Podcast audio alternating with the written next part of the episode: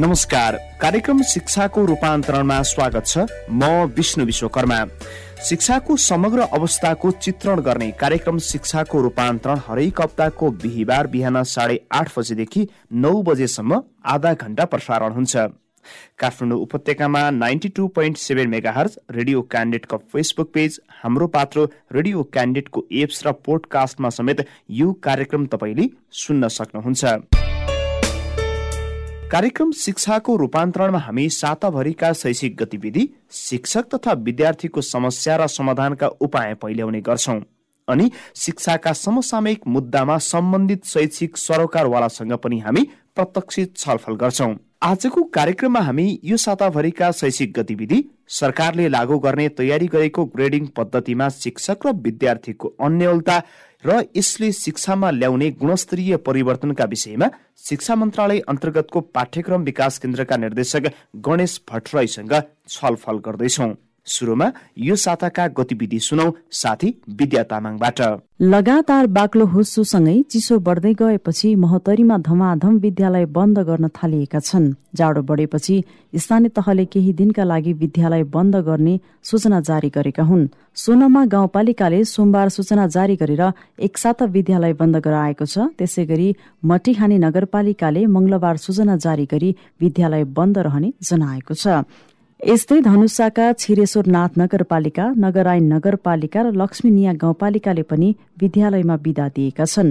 बढ्दो चिसोलाई मध्यनजर गर्दै उनीहरूले विद्यालयमा विदा दिएका हुन्। त्यसै गरी पर्साका ठोरी धोबिनी र जिरा भवानी गाउँपालिकाले पनि चिसो बढेपछि निजी तथा सामुदायिक विद्यालयलाई पुस चौबिस गतेसम्म विदा दिएका छन्। सर्वोच्च अदालतले त्रिभुवन विश्वविद्यालयमा खुला प्रतिस्पर्धाबाट अध्यापक नियुक्त गर्न अन्तरिम आदेश दिएको छ। सोमबार न्यायाधीश अनिल कुमार सिन्हाको एकल इजलासले यस्तो आदेश दिएको हो। इजलासले गत मङ्सिर चौध गते त्रिवी सभाको निर्णय कार्यान्वयन नगर्न अन्तरिम आदेश दिएको हो। सो सभाले त्रिवीमा सेवारत आंशिक कर्मचारीहरूलाई आन्तरिक प्रतिस्पर्धाबाट नियुक्त गर्ने निर्णय गरेको थियो। त्रिवीको निर्णयपछि खुला प्रतिस्पर्धामा भाग लिएकाहरू सर्वोच्च अदालत गएका थिए। समानता अभियान नेपालले दलित लगायतका सबै समुदायका मानिसले गुरूकुलमा अध्ययन गर्न पाउने व्यवस्था गर्न माग गरेको छ। मंगलबार काठमाडौँमा पत्रकार सम्मेलन गर्दै अभियानले देशभरका संस्कृत गुरूकुलमा दलित आदिवासी जनजाति खस क्षेत्री लगायत सबै जात जातिहरूलाई गुरूकुलमा पढ्न पाउने अधिकार सुनिश्चित गर्न सरकारसँग माग गरेको हो। सबैका लागि शिक्षा भन्ने नेपालको संविधानको मौलिक हकमा सम्मानपूर्वक बाँच्न पाउने हक लगायतका हकहरूको व्यवस्था अनुसार अधिकार सुनिश्चित गर्न अभियानको माग छ। गुरूकुलमा पञ्चानब्बे प्रतिशत भन्दा धेरै ब्राह्मण रहेको भन्दै अरू जातिले पनि पढ्न पाउनुपर्ने अभियानले माग गरेको हो। शिक्षा विज्ञान तथा प्रविधि मन्त्री देवेन्द्र पौडेलले विद्यालय समयमा अतिरिक्त क्रियाकलाप नगर्न शिक्षकहरू शिक्षकहरूलाई आग्रह गर्नु भएको छ। बागलुङ नगरपालिका चौधमा रहेको गणेश माध्यमिक विद्यालयको एकचालिसौं वार्षिक उत्सवलाई सम्बोधन गर्दै शिक्षा मन्त्री पौडेलले शिक्षकहरूको काम पढाउने भएकाले विद्यालय समयमा अनेक क्रियाकलापमा नलाग्न आग्रह गर्नु भएको हो। उहाँले शिक्षा मन्त्रालयको कार्यभार सम्हालेपछि विद्यालयमा शिक्षकहरूको अभावको कुरालाई मध्यनजर गर्दै शिक्षा नियमावली एघारौं संशोधन मन्त्री परिषदबाट स्वीकृत गराएर विज्ञापन खुलेको जानकारी दिनुभयो। विद्यार्थीलाई किताबी ज्ञानले मात्र नहुने भन्दै शिक्षकहरूलाई अहिलेको प्रविधिसँग अपडेट हुन पनि शिक्षा मन्त्री पौडेलको आग्रह छ। सङ्खुवा सभाको पाँच खपन नगरपालिका तीन माक्सुवा स्थित देवकोटा आधारभूत विद्यालयमा विद्यार्थीको दिवा खाजाको रकममा अनियमितता देखिएको छ। कक्षा पाँचसम्मका पञ्चानब्बे जना विद्यार्थीलाई खुवाउँदै आएको दिवा खाजा कार्यक्रम बापतको रकममा अनियमितता देखिएको हो। विद्यालय व्यवस्थापन समितिका अध्यक्ष दानबहादुर वैदका अनुसार दिवा खाजाको कार्यक्रमको रकम विद्यालयका प्रधानाध्यापक दल मर्दन तिवारीले रकममा अनियमितता गरेको बताउनुभयो। शिक्षक सेवा आयोगले प्राथमिक तहमा तेह्र हजार त्रियानब्बे शिक्षकका लागि दरखास्त आह्वान गरेको छ। आयोगले सातवटै प्रदेशमा खुल्ला समावेशी सिट छुट्याएर प्रावि तृतीय तहका लागि बुधबार विज्ञापन आह्वान गरेको। सबैभन्दा बढी कोटा खुल्लामा सात हजार दुई सय तीन रहेको छ। यसअघि आयोगले मावि र निमावि तहमा पनि विज्ञापन खुलाएको थियो।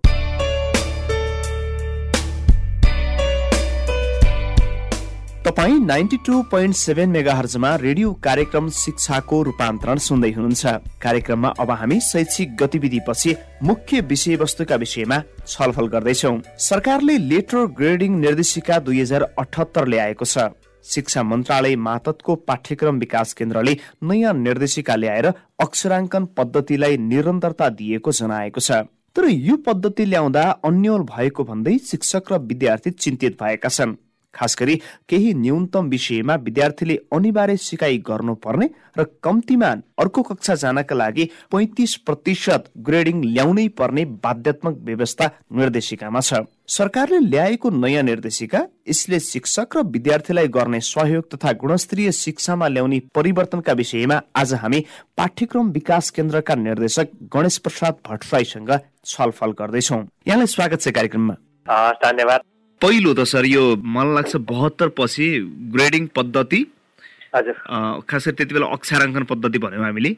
र त्यति बेलाको त्यो कार्यविधि हामी ल्याएपछि नेपालमा पहिलो पटक यो पास फेल सिस्टम भन्दा एक स्टेप अगाडि बढेर विद्यार्थीको मूल्याङ्कन विद्यार्थीको क्षमताको मूल्याङ्कन चाहिँ ग्रेडिङ पद्धतिमा गर्ने भनियो तर त्यसैलाई पनि रिप्लेस गर्ने कि अहिले ग्रेडिङ पद सिस्टम भनेर तपाईँहरू नयाँ निर्देशिका ल्याउनु भएको छ। यो पहिला किन ल्याउनु परेको? हो यसबाटै जाउँ न। होइन यसको चाहिँ रिप्लेस त होइन होइन त्यसको निरन्तरता नै हो। हजुर। अक्षराङ्कन नेपालीमा भनेको थियो लेटर ग्रेडिङ भन्दा मान्छेको जनजीवनमा लेटर ग्रेडिङ नै भन्ने शब्द चाहिँ बढी भएको। अक्षराङ्कन भन्दाखेरि मान्छेले नबुझेको कारणले त्यो जे भनिएको त्यही भन्नलाई खोजेको हो होइन त्यसमा चाहिँ त्यो फरक होइन। ल्याउने कारण के हो भनेदेखि अब अहिले सङ्घीय संरचनामा गइसकेपछि राष्ट्रिय पाठ्यक्रम प्रारूप बन्यो नयाँ। राष्ट्रिय पाठ्यक्रम प्रारूपले सङ्घीय संरचनाको शिक्षाको व्यवस्थापन गर्यो। र त्यो राष्ट्रिय पाठ्यक्रम प्रारूपमा के भनियो भनेदेखि अहिले पूर्णाङ्क अथवा अङ्क ल्याउने सिस्टममा के हो भने व्यक्तिगत प्रतिस्पर्धा चाहिँ विद्यार्थीको हुने भयो। तर विद्यार्थीले सामूहिक प्रतिस्पर्धा गर्ने कुरामा चाहिँ केही कमजोरीहरू देखिए। त्यो कमजोरीहरूलाई सुधार गर्नको लागि विद्यार्थीलाई चाहिँ अलिक बढी काम गरेर सिकाउनको लागि पाठ्यक्रममा परिवर्तन गर्नुपर्छ भन्ने कुरा आइसकेपछि पाठ्यक्रमलाई क्रेडिट आवर कोर्स बनाइयो। क्रेडिट आवर कोर्स भनेको के हो भने विद्यार्थीले सिकाइमा कति समय खर्चेका हुन्छन् भन्ने मुख्य कुरा हो।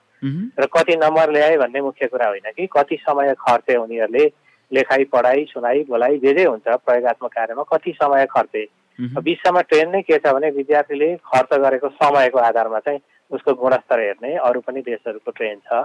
त्यो ट्रेनलाई पछ्याउनको लागि यो लेटर ग्रेडिङ पद्धतिलाई सुरुवात गरिएको हो। तर यो घुमाउ यसलाई मैले यसैमा तपाईँलाई रोकेँ बिचमा। यसलाई यसलाई घुमाउरो पाराले के भनियो के गर्न खोजियो भने एउटा चाहिँ एउटा चाहिँ यो पहिला चाहिँ सामान्यतया एदेखि ईसम्मको ग्रेडिङमा जुनसुकै ल्याए पनि अलि अघिल्लो कक्षा जुनसुकै नभनौँ डी र ई ल्याएर फेरि ग्रेड बढाउनु पर्थ्यो अनि बल्ल मान्छे अर्को कक्षामा जान पाउँथ्यो। तर अहिले चाहिँ कम्तीमा पैँतिस प्राप्ताङ्क अर्थात् पैँतिस अङ्क नल्याएसम्म त्यो विद्यार्थी पास नहुने र त्यो विद्यार्थी अघिल्लो कक्षामा जान नपाउने भनेपछि फेरि पहिलेकै कुरामा फर्कियो सरकार होइन होइन होइन सर। होइन त्यो पहिलेको कुरा र अहिलेको कुरामा बुझाइमा अलिकति फरक भयो। अहिले पैँतिस अङ्क भनिएको छैन सर।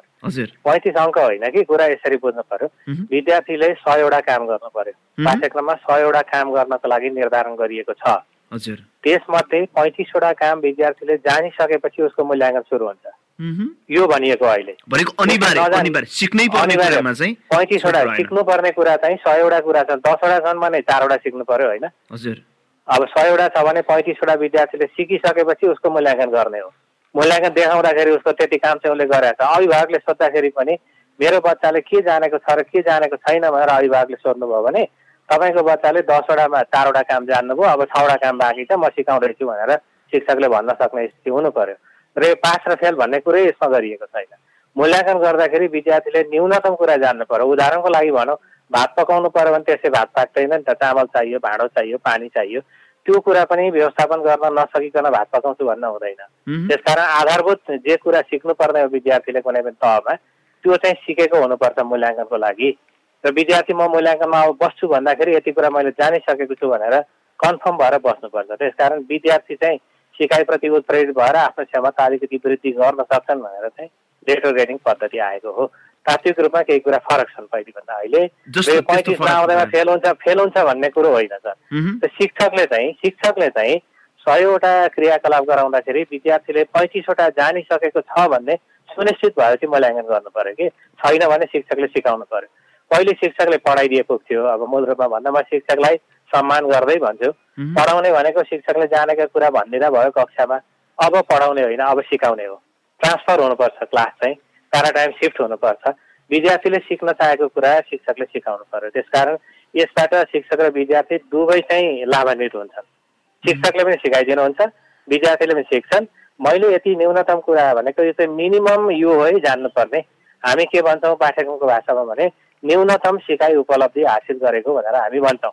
त्यो न्यूनतम भनेको चाहिँ के हो? पहिलो पाइला भनेको के हो भने सयवटा काम गर्दाखेरि पैँतिसवटा काम उसले गरिसक्नुपर्छ भनेको हो सर यसरी भनिएको अब यो यो यो ल्याउनुको पछाडि यो विद्यार्थीमा नपढे पनि पास भइन्छ भन्ने प्रवृत्ति एउटा। शिक्षकले पनि धेरै पढाउन थालेनन् त्यही भएर यो ल्याउनु परेको भन्ने पनि तर्क सरलाई धन्यवाद भन्छु। म सरले मैले भन्नुपर्ने कुरा पनि भनिदिनु भयो।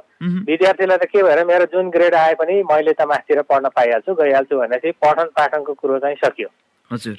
विद्यार्थी जुनै ल्याए पनि हुने भएपछि विद्यार्थीले धेरै मेहनत गर्ने भएन। यसको कारण के हो भने अङ्कलाई ठुलो कुरा मान्दैनौँ हामी तर जीवनको अङ्क हुन्छ नि सर। भोलि गएर काम गर्नु पर्यो नि। काम गर्ने ठाउँमा विद्यार्थीको क्षमता देखिएन।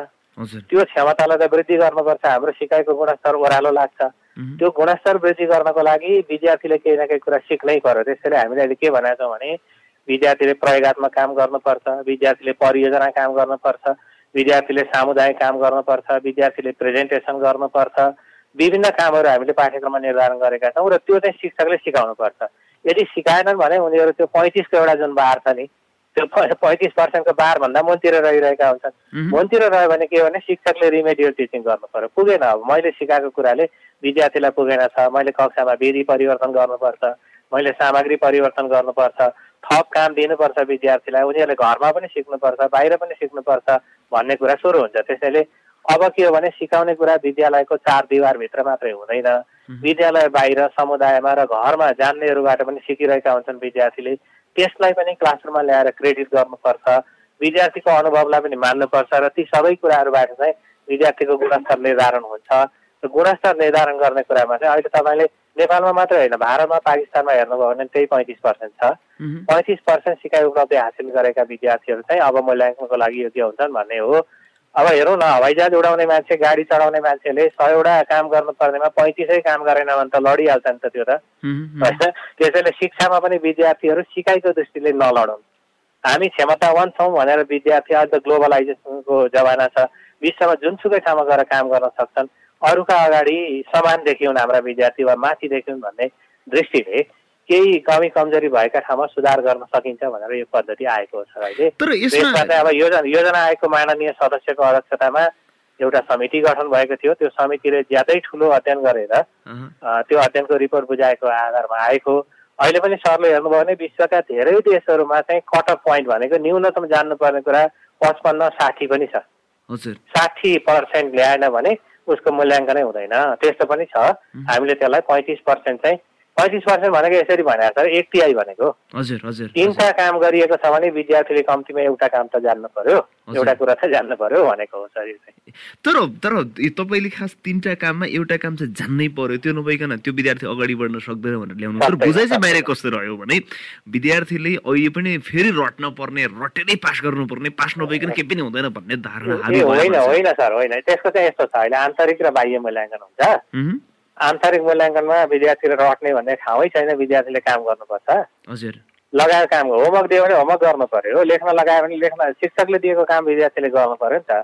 किन उसलाई ज्ञान चाहिन्छ सिप चाहिन्छ उसलाई चाहिँ भनौँ न मूल्य चाहिन्छ सामाजिक मूल्य चाहिन्छ उसले काम गर्ने तत्परता चाहिन्छ पोखरीको छेउमा गएर बसेर पौडी खेल्न सिकेर हुँदैन नि त पोखरीमा हाम फाल्नै पर्यो नि। त्यसकारण विद्यार्थी सिक्ने विद्यार्थी हो उसको क्षमता अनुसार उसले काम गर्नै पर्छ नगरिकन हुँदै हुँदैन। त्यो काम गरेन भने त विद्यार्थी आफै रोकिन्छ नि पछि पर्छ नि त। र यसको उद्देश्य के हो भने सबैले दौड जित्नु पर्दैन सबै फर्स्ट हुनु पर्दैन तर सबै दौडिनेहरूले दौड चाहिँ पुरा गर्नुपर्छ। ढिलो छिटो जसरी गरोस् दौड पुरा गरेको हुनुपर्छ। फर्स्टै हुनुपर्छ भन्ने पहिलेको कन्सेप्टमा के थियो भने मेरो विद्यार्थी फर्स्ट नै हुनुपर्छ। ए डिभिजनै ल्याउनु पर्छ अथवा यही यो विशिष्ट श्रेणी चाहियो भन्ने खालको एउटा सोच भएको थियो। अब होइन। विद्यार्थीले ढिलो चाँडो सिक्न सक्छन् उसको सिक्ने तरिका फरक हुन्छ। एउटाले बोल्न जान्दछ त अर्कोले लेख्न जान्दछ। लेख्न जान्नेलाई लेख्नै क्रियाकलाप गराउनु पर्यो। बोल्नेलाई बोल्ने क्रियाकलाप गराउनु पर्यो। तपाईँ पत्रकार हुनुहुन्छ तपाईँको भाषा म जान्दिनँ नि। तपाईँको काम म गर्न सक्दिनँ नि। तपाईँ मेरो ठाउँमा आउनु भने मैले पनि सक्दिनँ। तर हामी दुइटै जान्ने होला नि त। आफ्नो क्षेत्रमा। दुइटै नजान्ने पनि होला नि त। मलाई पत्रकारिताको परीक्षा दिएर फेल पार्नु त पाइएन नि त होइन? त्यसकारण सिकाइमा विविधता हुनुपर्छ शिक्षकले विभिन्न प्रकारका क्रियाकलाप विद्यार्थीलाई गराउनुपर्छ यही काम चाहिँ युरोपमा गर्छन् अमेरिकामा गर्छन् भने हाम्रा शिक्षकहरू सबै शिक्षक तालिम प्राप्त हुनुहुन्छ। उहाँले पनि सक्नुहुन्छ नि त त्यसकारण विद्यार्थीको भविष्य बनाउनको लागि नेपालको शिक्षाको गुणस्तरलाई अलिकति उकास्नको लागि प्रयत्न गरौँ भने सबैले गरौँ भनेर सुरु गरिएको हो सर। बाहिर गर्दाखेरि त पैँतिस ल्याएन फेल भयो फेरि फेलमा लग्यो भन्नु चाहिँ के हो भने अब यस्तो हो सर त्यो गिलासलाई कताबाट हेर्ने हो? खालीबाट हेर्ने हो कि भरिबाट हेर्ने हो? कालो दाग छिटो देखिन्छ।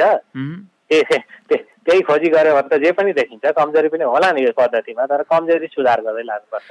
यसले यसले हाम्रो शैक्षिक अहिलेको शैक्षिक गुणस्तरमा तात्विक भिन्नता चाहिँ के ल्याउँछ भट्टराई सर? तात्विक भिन्नता के हो भने दुईटा कुरा भिन्नता सर एउटा कुरा चाहिँ अब पढाइबाट सिकाइतिर जान्छ हाम्रो कक्षा कोठा तर त्यो बाध्यता बन्छ कि एउटा एउटा एउटा हाम्रो चिन्ता। यो यो बाध्य जस्तो अहिले हामीले अगाडि बढ्न चाहने विद्यार्थी होला। अब हाम्रा केही विषय असाध्यै जटिल लाग्छन् धेरै विद्यार्थीलाई। फेरि हाम्रो शैक्षिक पद्धति पहिलेदेखि अलिक धेरै रटान्ते भयो भन्ने यो एक किसिमको जिकिर पनि छ।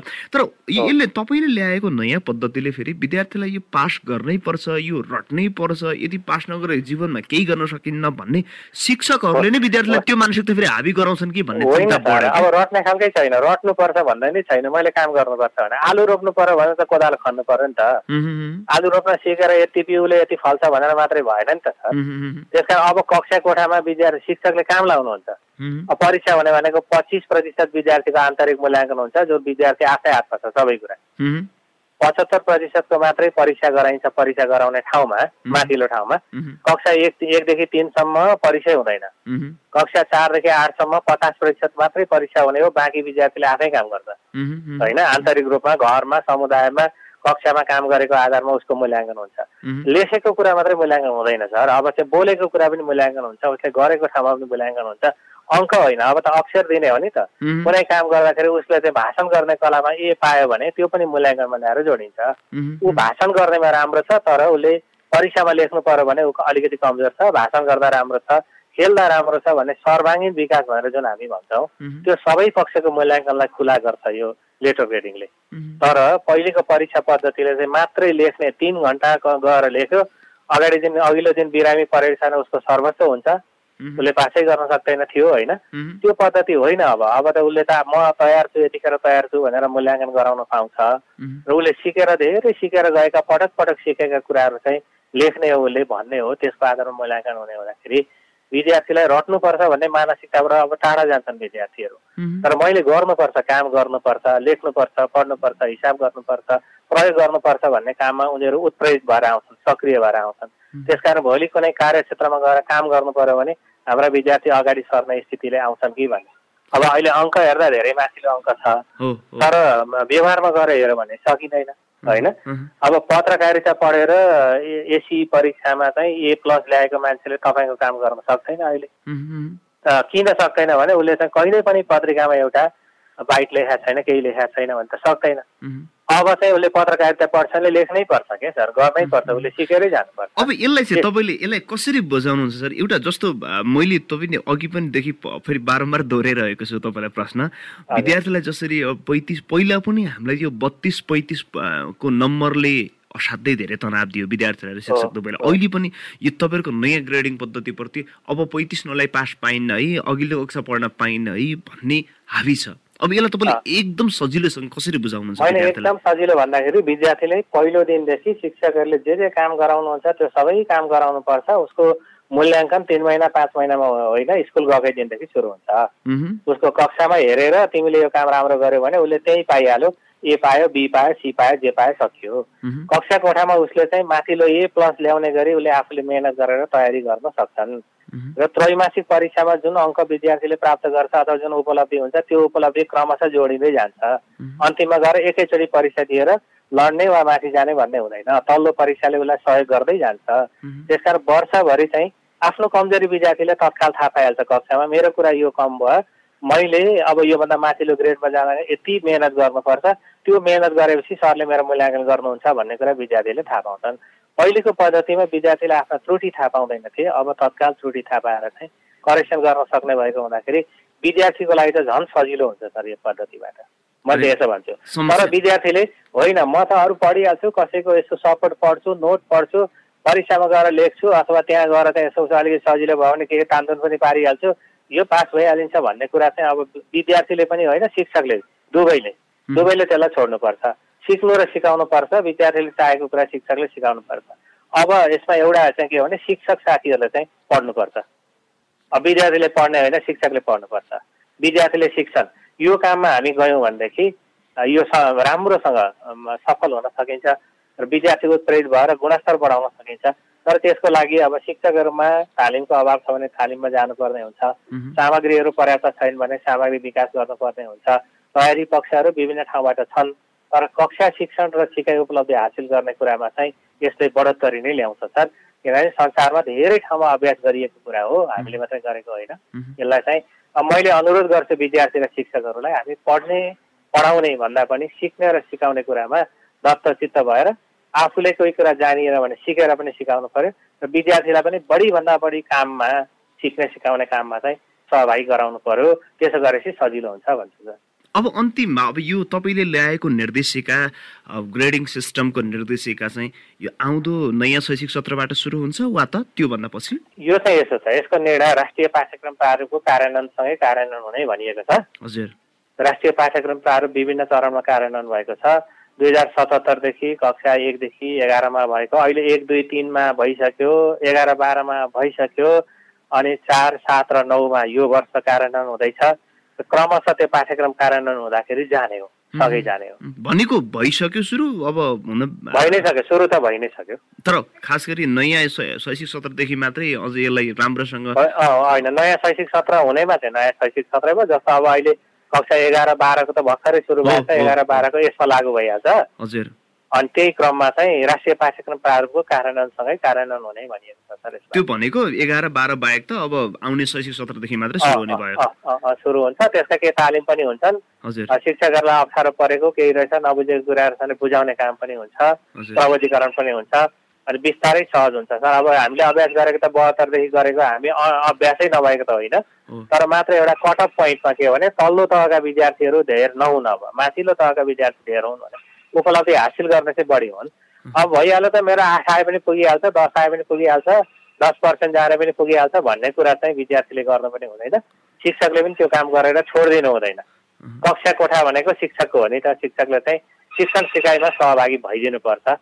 त्यो त्यो मूल रूपमा चाहिँ त्यसो भएपछि राम्रो हुनसक्छ भन्ने हस् यो महत्त्वपूर्ण समयका लागि र ग्रेडिङ सिस्टमका बारेमा जुन अन्यलता थियो यसबारे पनि केही स्पष्ट पारिदिनु भयो। समयका लागि धेरै धन्यवाद। हस् धन्यवाद तपाईँलाई र तपाईँको लोकप्रिय रेडियोलाई पनि मेरो तर्फबाट पाठ्यक्रम विकास केन्द्रको तर्फबाट धेरै धेरै धन्यवाद।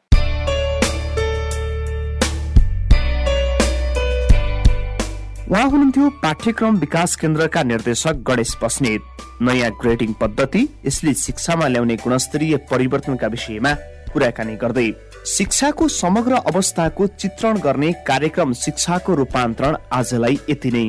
अर्को हप्ता शिक्षाको नयाँ र फरक विषयका साथमा हामी उपस्थित हुनेछौ। कार्यक्रम सुन्नुहुने तपाईँलाई धेरै धेरै धन्यवाद। कार्यक्रम उत्पादनमा सहयोग पुर्याउने सशिन्द्र गौतम सहकर्मी विद्या तामाङसँगै प्रविधिक तर्फ साथी सिर्जना भुजेल र म विष्णु विश्वकर्मा पनि विदा हुन्छु। नमस्कार।